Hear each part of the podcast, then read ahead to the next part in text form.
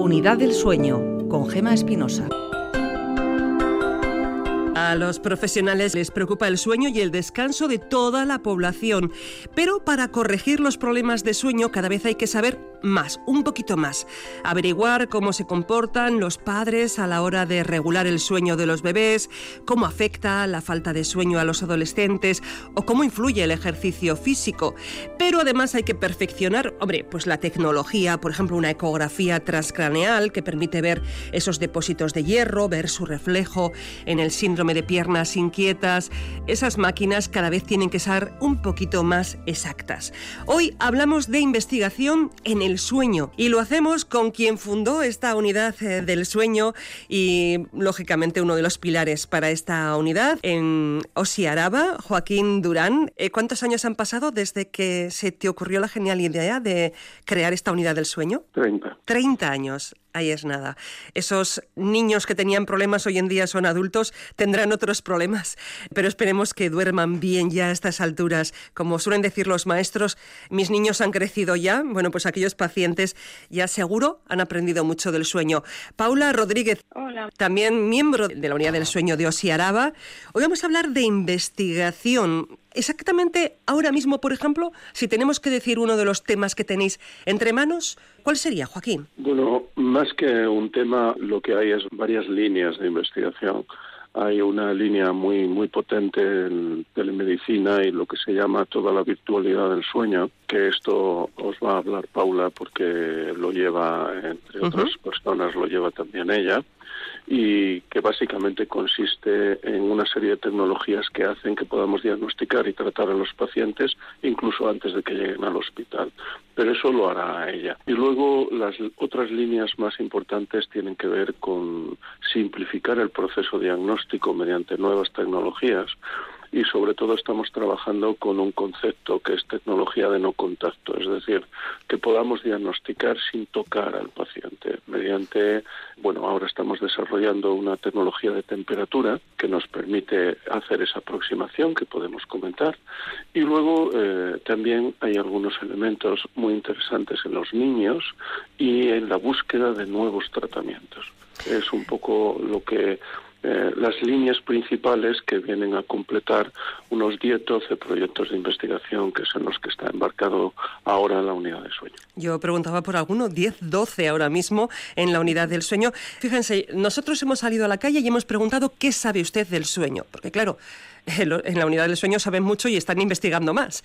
Pero nosotros, eh, ¿qué sabemos del sueño? Para empezar, yo diría que según las respuestas confundimos sueño con soñar, que no es lo mismo. Una cosa es dormir, hablamos del sueño, dormir, no de cómo son nuestros sueños.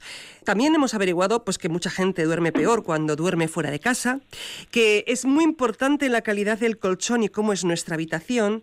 Y eso sí, parece que todo el mundo ha oído hablar de la fase REM. Ahora, ¿Qué sabemos de lo que ocurre en nuestro cerebro cuando dormimos? Eso no está tan claro. Escuchen. Coincide que sueño más, o al menos recuerdo mucho más lo que he soñado, cuando he cenado demasiado y me acuesto empachada. O bien ceno y me voy de la misma a la cama. Normalmente, si recuerdo lo que he soñado, suele ser lo que he soñado a última hora de la mañana. Y por supuesto duermo muchísimo, muchísimo peor cuando duermo fuera de casa. Incluso me ha pasado dormir muy mal cuando he cambiado el colchón de mi casa. En casa duermes mejor porque ya estás, ya tienes tu, tu rincón, digamos.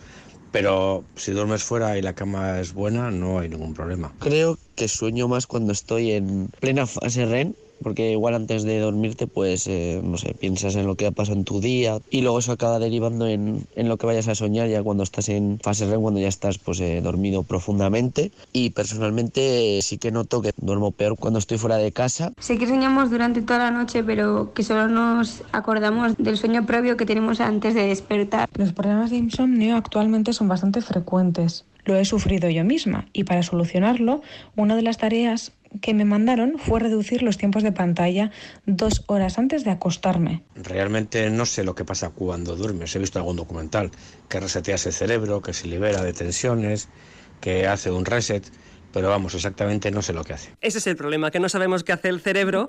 ¿Existe un gran desconocimiento? ¿Tenéis, eh, Joaquín Paula, la sensación de que la gente todavía confunde un poco soñar con sueño, con dormir, y que después tenemos un poco eh, lioso esa zona, las fases del sueño y qué es lo que ocurre en nuestro cerebro, ¿no? Adelante, Paula. Sí, yo creo que sobre todo hay que diferenciar entre lo que es cantidad y calidad de sueño. No todas las personas necesitamos las mismas horas de sueño para que este sea reparador. Lo normal en un adulto es que necesitemos entre unas 7, 8 horas de sueño, pero hay personas pues que con 5 están bien y otras personas pues que necesitan más horas de sueño. Y con respecto a la calidad de, de, sueño, pues a lo que se refieren la mayoría de los oyentes, pues para tener una calidad buena de sueño, es decir, hacer las proporciones de sueño que se necesitan para que este sea reparador, pues siempre tenemos que intentar mantener unos buenos hábitos de sueño, pues intentar mantener unos horarios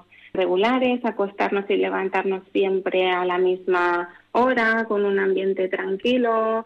Por eso se refieren muchos oyentes que fuera de la habitación, ¿no? Duermen peor, si cenan más de lo habitual, rompen también su rutina, puede que duerman peor. Bueno, pues yo creo que la mayoría de los problemas de sueño parten de ahí, ¿no? En la mayor parte de los problemas de sueño pues son por hábitos inadecuados y es lo primero en lo que tenemos que, que, actuar. El último entrevistado decía, he visto algún documental, sé que el cerebro resetea, Joaquín, pero no tengo muy claro qué es lo que ocurre. ¿Qué ocurre en el cerebro cuando dormimos? Casi todas las intervenciones tenían una gran parte de, de verdad, ¿no? Y una aproximación a lo que nos ocurre cuando dormimos. Es verdad, reseteamos más que el cerebro, lo que hacemos es resetear la memoria, ¿no? Borramos aquellos recuerdos que el cerebro considera que no son imprescindibles, no se borran del todo porque se almacenan en forma de proteínas, pero no los podemos llamar a voluntad. Si yo ahora te pregunto, Gema, que cenaste ayer, pues lo vas a recordar, pero si te digo que cenaste el miércoles de la semana pasada, probablemente tu cerebro lo borró si no lo consideró esencial. Y lo mismo hacemos, igual para llegar al estudio nos hemos encontrado con personas que ya, ya nos recordamos qué, personas son. ¿no? El cerebro continuamente está reseteando, almacenando información y borrando aquella información que no es esencial, siempre bajo una perspectiva, ¿esto es esencial o no es esencial? Porque no nos cabe todo y como no podemos almacenar toda nuestra vida, lo almacenamos de una forma en prioridades y eso lo hacemos mientras dormimos. Pero hacemos mucho más, mejoramos nuestro sistema inmunitario, nos protegemos contra el cáncer, nos rejuvenecemos, evitamos el envejecimiento, eh, que durante el sueño protegemos nuestra supervivencia de diferentes formas. Paula, me gustaría empezar por esa primera investigación que nombraba Joaquín, virtualidad del sueño, es decir, se está investigando en la tecnología para diagnosticar a los pacientes.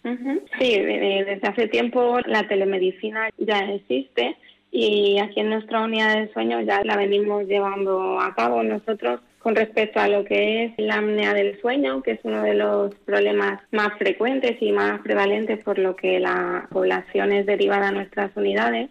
Tenemos un laboratorio virtual del sueño que sobre todo uno de, nuestros compañeros fue el, que lo lideró. Y bueno, lo llamamos laboratorio virtual porque desde que el médico de cabecera deriva al paciente con un problema de sueño, fundamentalmente con apnea del sueño, se decide de una manera virtual, sin ver al paciente, con datos clínicos de la historia y lo que su médico de cabecera nos dice, qué prueba es la más indicada para, para realizarle. Normalmente un estudio de sueño en casa o en el hospital. Y una vez que el paciente es diagnosticado, pues se le ofrece una solución, un tratamiento y se le hace un seguimiento. Muchas veces el seguimiento también puede ser virtual. Las máquinas de apnea del sueño, las CPAP, ya tienen unos sistemas inteligentes pues para poder hacer un seguimiento del paciente sin que venga al hospital, ver el cumplimiento, ajustar la presión, etcétera. O sea que desde el proceso inicial en que es derivado hasta que el paciente ya tiene su tratamiento y está adaptado, prácticamente no vemos al paciente. Y bueno, eso es por una parte muy bueno, sobre todo para él, porque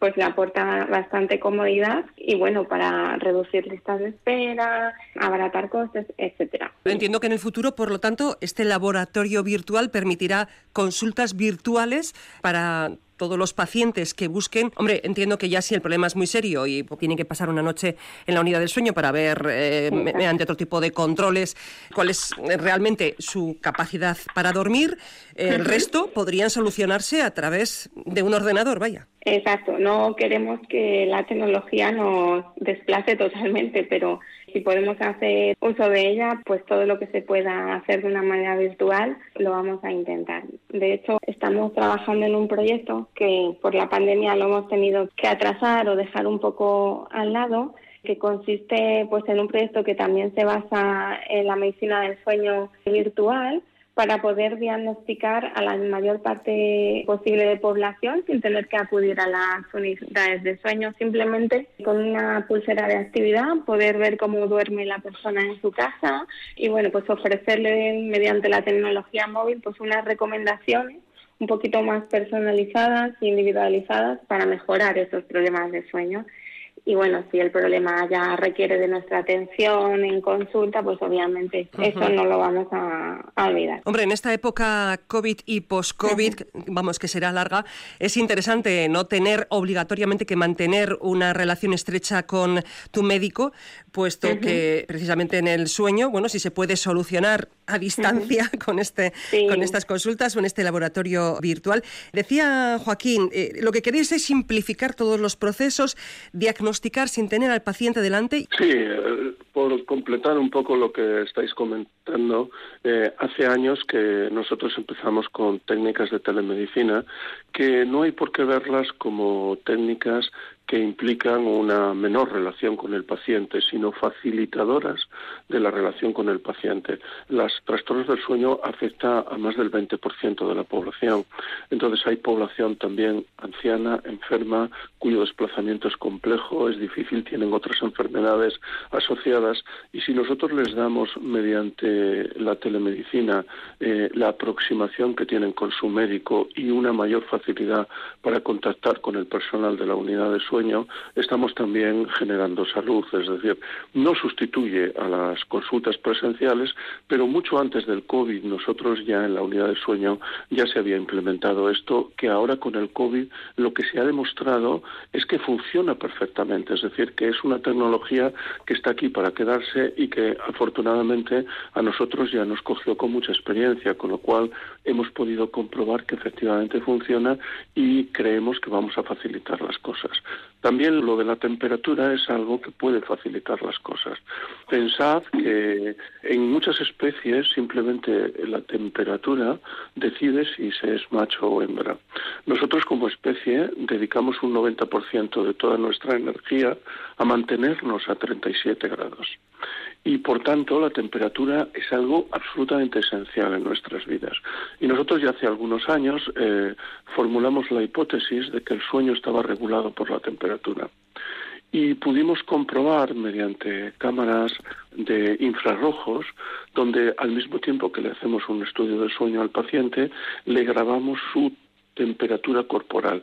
Son máquinas de temperatura que graban a la centésima de grado. Es decir, que pequeñas diferencias de grado son capaces de detectarlas. Y pudimos ver que eran capaces de determinar las diferentes fases de sueño y ahora estamos en un proyecto donde estamos tratando de que sean capaces de medir las apneas, porque la apnea es respiración y la respiración cuando uno expira sale aire caliente de nuestro cuerpo y cuando uno inspira entra aire frío del exterior. La diferencia de esa nube térmica también somos capaces de medirlas mediante una cámara termográfica con una empresa que es Ibermática, que es una empresa bien conocida del país Vasco que ha desarrollado un programa de inteligencia artificial, de manera que esperamos que en un tiempo razonable podamos disponer de equipamientos que puedan diagnosticar a toda clase de pacientes, incluidos ancianos y niños, sin ponerles ningún cable partamos de la base de que es cierto, cuando sale el aire de tu cuerpo sale más caliente, cuando entra es más frío, pero lo relacionáis con la apnea. Em, ¿Puedes explicarme a dónde queréis llegar? ¿Cuál sería el objetivo, la relación entre una cosa y otra? ¿La temperatura? Pues cuando uno sufre una pérdida de respiración, deja de respirar.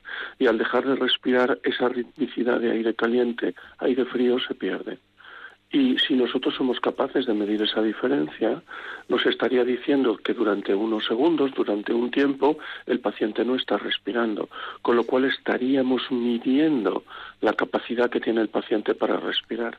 Si a eso se une que mediante tecnología de láser y otras tecnologías asociadas podemos ver el esfuerzo que hace el paciente a distancia, ya estaríamos midiendo las apneas en sí mismo y estaríamos desarrollando un equipamiento que es capaz de medir a distancia algo que tú te colocas en la mesita de noche como si fuera un radio despertador, pero que sin tocarte te está midiendo si haces o no apneas.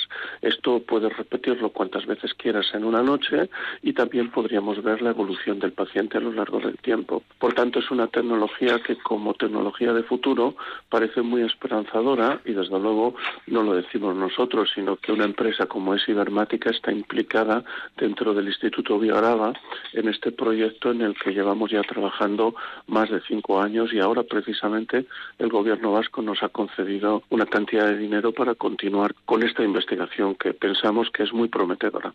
¿Y hay algo parecido en Europa?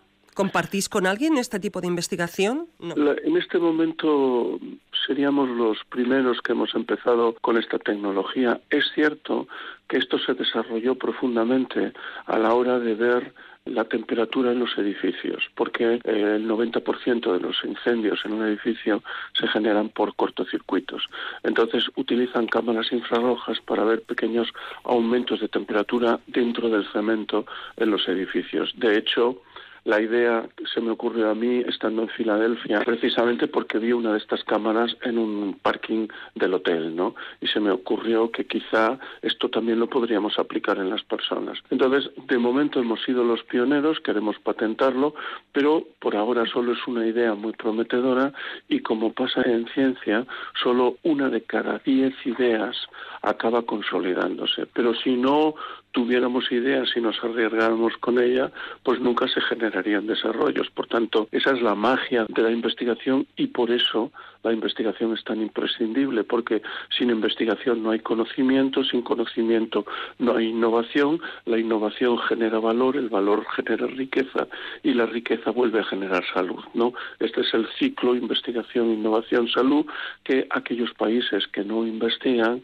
pues no tienen más remedio que comprarlo todo fuera y no tienen ninguna riqueza que ofrecer a otros y por tanto tienen solo que gastar en tecnología que viene de otros lados con el empobrecimiento consiguiente. ¿no? Ha comentado también una tercera investigación dentro de las 10-12 que se están llevando a cabo ahora. Me gustaría hablar de esa tercera y destacada investigación sobre los niños. Paula. Sí, sí, sí. Pues los niños, igual la apnea del sueño, pues es un problema bastante prevalente, sobre todo en la edad entre los 4 o 5 años. Los niños pueden tener una, un tamaño amigdalar y de adenoides muy grande para lo que es la entrada en la vía aérea y esto producir también apneas. Al ser un problema bastante prevalente, lo que queremos es también simplificar de la mayor manera posible el diagnóstico y bueno, también no sacar al niño de su casa, de la habitación, traerlo aquí a la unidad del sueño, con lo que conlleva para, para él, e intentar validar equipos que puedan diagnosticar al niño de apnea del sueño en su propio domicilio, en su cama, en su casa, y sin sacarle de su rutina como se hace con los adultos, que este equipo, que es una poligrafía respiratoria que mide con una cánula la respiración y con una simple banda torácica o abdominal o un aparato en el dedo para medir la saturación de oxígeno, pues hacerlo también en los, en los niños. Y en eso estamos ahora mismo con respecto a, a la investigación en ellos. Me da la sensación que las apneas son una de las grandes preocupaciones del Departamento de Investigación de la Unidad del Sueño, ¿no? En los niños es muy importante, además, porque un retraso diagnóstico pues puede tener consecuencias muy importantes.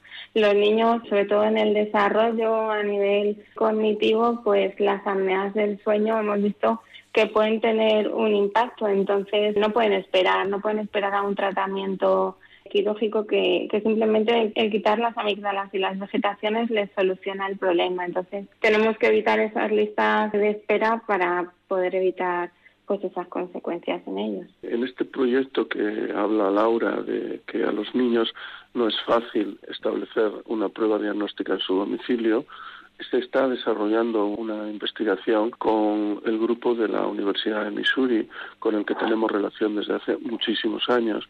De hecho, tenemos uno de nuestros investigadores que lleva eh, ya ocho meses en la Universidad de Missouri y estamos trabajando la posibilidad de diagnosticar la apnea del sueño mediante un análisis de orina. De hecho, en este proyecto se analiza la orina de los niños y se estudia un producto que se llaman exosomas, que son un producto de degradación celular donde aparece ARN, RNA en la propia orina y el análisis de esos exosomas que nunca se han podido analizar en orina, siempre ha habido que analizarlos en sangre, pues con esta tecnología que se está desarrollando en la Universidad de Missouri vamos a poder analizarlos en orina y esperamos que este investigador que hemos enviado allí, cuando venga en el propio laboratorio de investigación del sueño en Bioaraba, pueda desarrollar esta tecnología y podamos contribuir al diagnóstico de los niños simplemente haciendo un PIS. A través de la orina, a través de la temperatura también, investigaciones sorprendentes. Cierra pronto tus ojitos, que mamá te cuidará.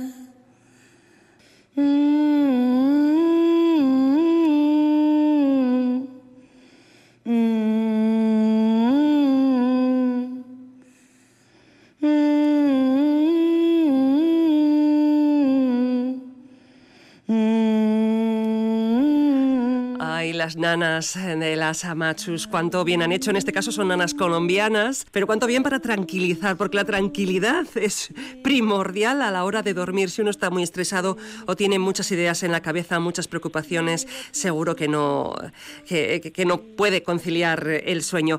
Roberto, compañero, tenemos ya las primeras preguntas. Bueno, pues eh, hace referencia a la situación en la que estamos viviendo y no transmite precisamente tranquilidad en este caso. Dice, yo con toda esta situación duermo muy mal, pero lo peor es que sueño mucho. No sé si será normal. Joaquín, Paula, ¿es normal dormir mal ahora y soñar más? Ahora, durante la pandemia, pues hemos visto que, que los problemas de sueño se han disparado. Hasta el 60% de la población tuvo problemas para dormir y muchos de ellos, mucha gente pues necesitó apoyo con medicación puntual. Ha sido normal la situación hemos vivido, sobre todo la angustia, la ansiedad, independientemente de que, bueno, no salíamos a la calle, no teníamos reguladores del sueño y la vigilia. Yo creo que lo que más ha impactado, y así lo hemos visto en los estudios que se han hecho mediante encuestas a la población mundial, la ansiedad ha hecho que, y el desconocimiento y la, y la angustia en un futuro ha hecho que que durmamos mal. La ansiedad aumenta mucho los niveles de cortisol que, que tiene que ser mínimo a la hora de, dormir, de quedarnos dormidos. Entonces ha, habido muchos problemas, sobre todo de conciliación, de, de despertares, de, de despertar precoz, entonces, es, una situación totalmente normal. Ha, habido y hay todavía. Y hay. Porque este oyente nos dice que es ahora todavía cuando duerme mal, ¿no? En parte el estrés que podemos decir postraumático también nos está afectando y, y el desconocimiento a lo que puede venir pues nos, nos, seguirá afectando, así que tenemos que tomarlo como algo normal, que será pasajero, pero que está ocurriendo. ¿Y es normal cuando se duerme mal eh, soñar más o es que nos acordamos más? Al dormir, digamos que las personas que duermen muy bien habitualmente en su mayoría no recuerdan los sueños. Nosotros soñamos, entendido el sueño como ensoñaciones, aproximadamente cuatro o seis veces por noche. Sin embargo, como bien decían los oyentes, solo recuerdas el último sueño porque es cuando se produce una grabación en memoria. Hay que pensar que las ensoñaciones es algo que hace el cerebro para su propia funcionalidad, que no está previsto que nosotros lo recordemos. Cuando lo recordamos es porque miramos ahí en ese momento porque nos hemos despertado, pero no es lo habitual. El sueño no se crea para ser recordado, sino para ser trabajado por el propio cerebro, que lo trabaja de esa forma. Alguien que se despierta muchas veces tiene más probabilidad de tener la percepción que ha soñado mucho. Alguien que duerme del tirón, digamos, es mucho menos probable que se acuerde del sueño, salvo los últimos sueños.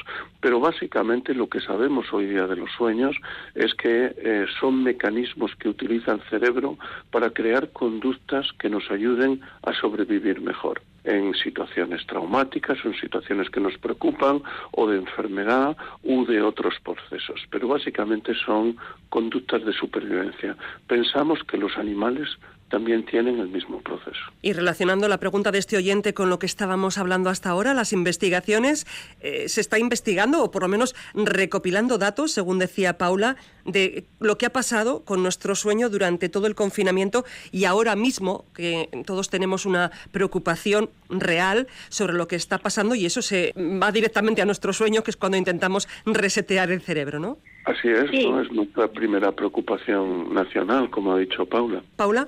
Sí, desde el inicio de la pandemia se están haciendo estudios a nivel mundial, sobre todo en las áreas, en las áreas de mayor pandemia, en China, en Italia, en grupos de población de, miles de, personas, sobre todo a través de, encuestas. Y bueno, pues sí que se han visto en todos los estudios pues elevados porcentajes de personas con mala calidad de sueño sobre todo también relacionados con lo que decíamos, con el elevado porcentaje de ansiedad y de síntomas de bajo ánimo. Y llama la atención que sobre todo pues esto se, ha visto en personas más jóvenes, más que en, personas más de edad más avanzada, en personas más jóvenes y por supuesto también en, en sanitarios, en personas directamente relacionadas con, con el coronavirus. Eh, lo entendemos, eso creo que lo puede entender todo el mundo perfectamente. Quien ha visto de cerca el efecto de esta pandemia no solamente vive peor, sino que duerme peor. Vamos con más preguntas, Roberto. Se están multiplicando exponencialmente. Una curiosidad. Sueñas más cuando se acerca la luna llena, igual es una bobada, pero a mí me pasa. ¿Esto son leyendas o es, tiene algo de verdad? ¿Hay que investigarlo también?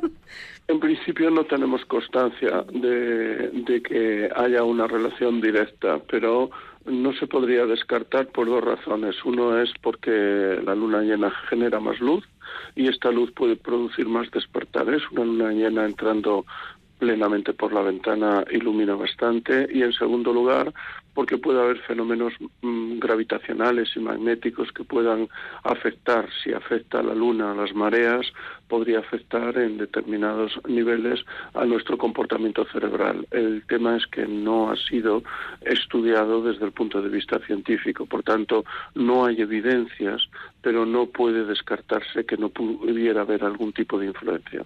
Es curioso porque yo pienso cuando, si alguna noche duermo mal, eh, pienso en que pues, he estado más estresada o me estoy preocupada por algo, pero nunca lo he relacionado con la luna. Me voy a fijar a partir de ahora a ver qué luna hay cuando duermo mal. Otro oyente nos pregunta, ¿es la temperatura la que regula las fases del sueño o son las fases del sueño las que regulan la temperatura? Es una pregunta excelente porque ambas cosas parecen tener cierta relación. Mayoritariamente parece ser que nuestra temperatura corporal es capaz de regular y condicionar las fases de sueño, pero existe lo que se llama un mecanismo de retroalimentación donde el propio sueño también es capaz de regular la temperatura porque genera cambios a nivel vascular y de vasodilatación que hace que la temperatura se pueda modificar. Por tanto, como ocurre con muchas enfermedades que son bidireccionales, en el sentido de que la apnea de la obesidad sabemos que produce apnea del sueño, pero hoy día sabemos que la apnea del sueño también es capaz de producir obesidad a través de la modificación de algunos neuropéptidos del cerebro. Por tanto, la pregunta es muy oportuna y como pasa siempre, existe cierta bidireccionalidad en ello. Otra pregunta. Siempre me he preguntado por qué durmiendo las mismas horas a veces te despiertas descansado y otras más cansado y con sensación de no haber descansado nada. Un poco por lo que decíamos, no solo la cantidad de horas que uno duerme, sino la calidad del sueño. Eh, obviamente, pues si se tienen más despertares, por ejemplo, a veces pueden ser incluso micro despertares que la persona pues no sea consciente de que los está teniendo, pero que bueno, rompen su estructura normal del sueño, pues provocando que quizá esa noche tenga más sueño superficial, menos sueño profundo, menos sueño REM y que se despierte, aunque haya dormido sus horas habituales, pues con sensación de que no ha, no ha descansado. Bueno, pues si esto ocurre, quizás sí que habría que mirar a ver si hay algún trastorno del sueño que pueda estar produciéndole pues estos.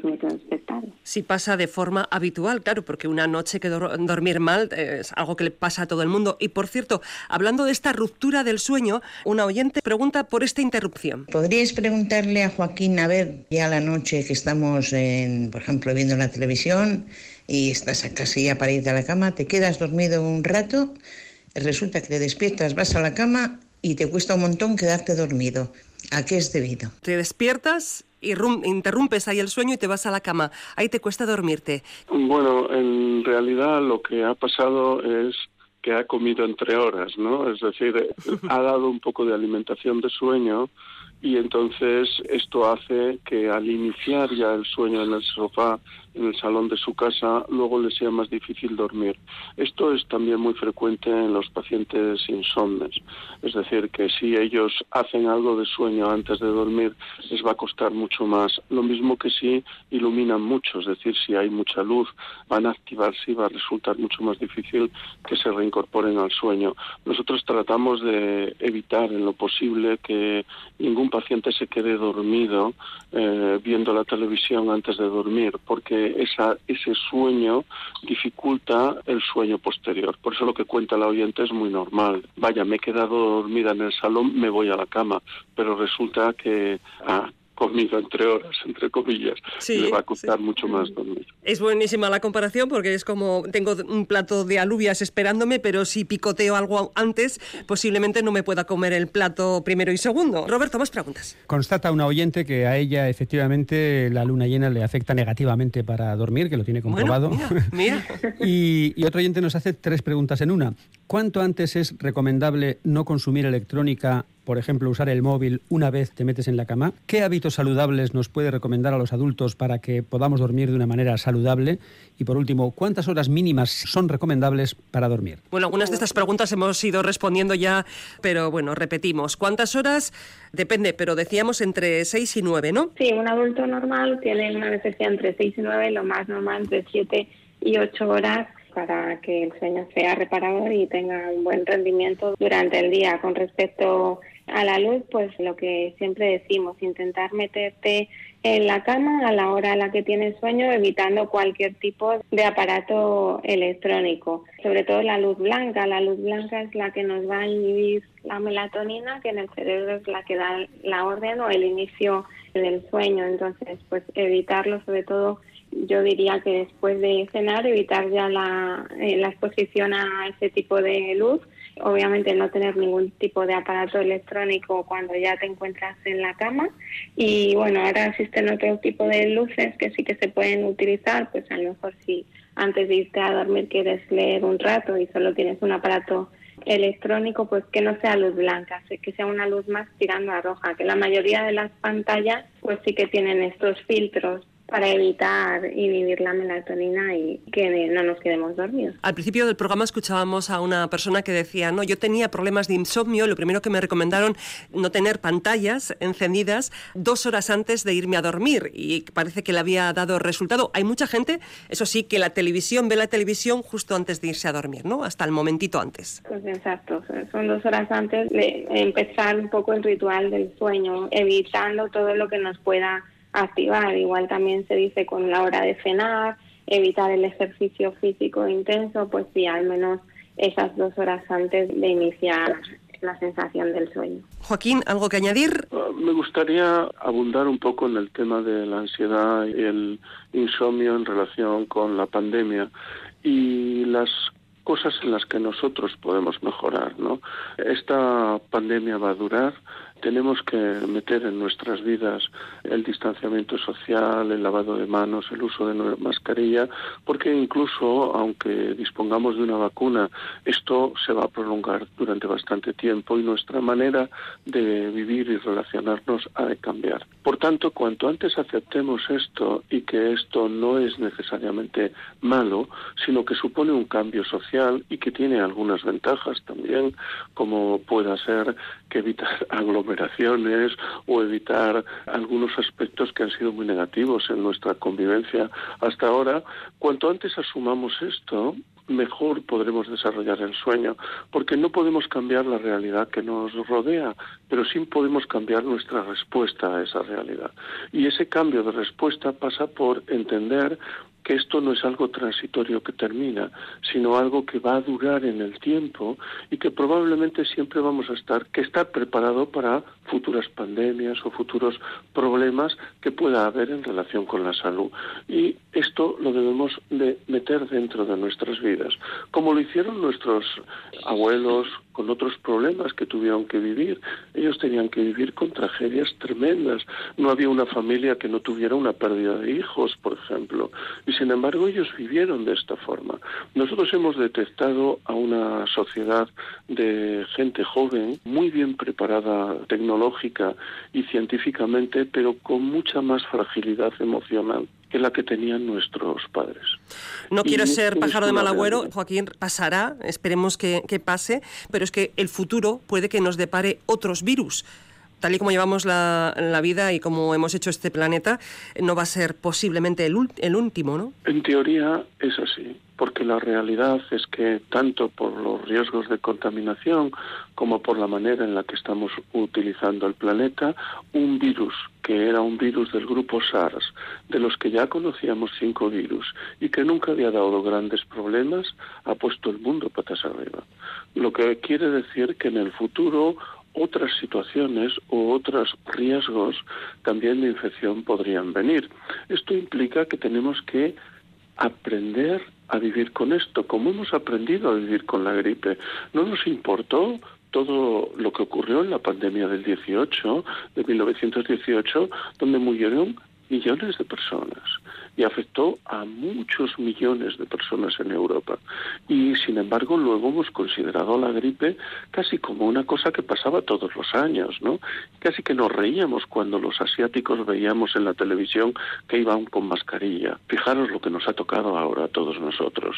Por tanto, deberíamos de empezar a intronizar y a digerir emocionalmente que nuestra manera de vivir va a sufrir algunos cambios y que no necesariamente tienen que ser todos cambios malos. Y de esta forma nos adaptaremos mejor y seremos capaces de tener un buen sueño y evitar la ansiedad. Así que vamos a empezar a adaptarnos a la situación que tenemos actualmente. Última pregunta, Roberto. Una pregunta directa. ¿Qué se puede hacer si te despiertan los sofocos? La temperatura, ahí volvemos a la temperatura, Joaquín. Bueno, los sofocos tienen relación, como saben bien los oyentes, con la menopausia. La menopausia es un desajuste hormonal importante que, entre otras cosas, produce cambios de temperatura, aparte de vasodilatación en el cuerpo, etcétera. Y ese desajuste hormonal sabemos que tiene capacidad para producir insomnio y dificultades para dormir. Una vez que se estabiliza bien de una manera natural o bien hormonalmente, el sueño tiende a restaurarse. Pero siempre, siempre es muy importante tener en cuenta que a partir de los 50 años el sueño se fragmenta. Es un mito dormir ocho horas y es un mito dormir del tirón. Ya no se duerme de esa forma, sino que tiende a fragmentarse. La pregunta que siempre hay que hacer es cómo uno está al día siguiente. Y si después de despertarse, aunque es normal despertarse a las 4 o 5 de la mañana, uno vuelve a reincorporarse al sueño, no es necesariamente un problema. Investigaciones que hoy hemos estado charlando, hablando sobre ello, cómo diagnosticar al paciente sin necesidad de tener contacto directo con él, qué influencia tiene la temperatura para averiguar, por ejemplo, el tema de las apneas del sueño o a través de la orina, qué cosas podemos saber. Bueno, nosotros no, quienes investigan y quienes saben. Joaquín Durán, Paula Rodríguez, Unidad del Sueño de Osiaraba y BioAraba, investigación en BioAraba. Un abrazo y muchísimas gracias por este espacio. Gracias. Muchas gracias a vosotros. Un saludo.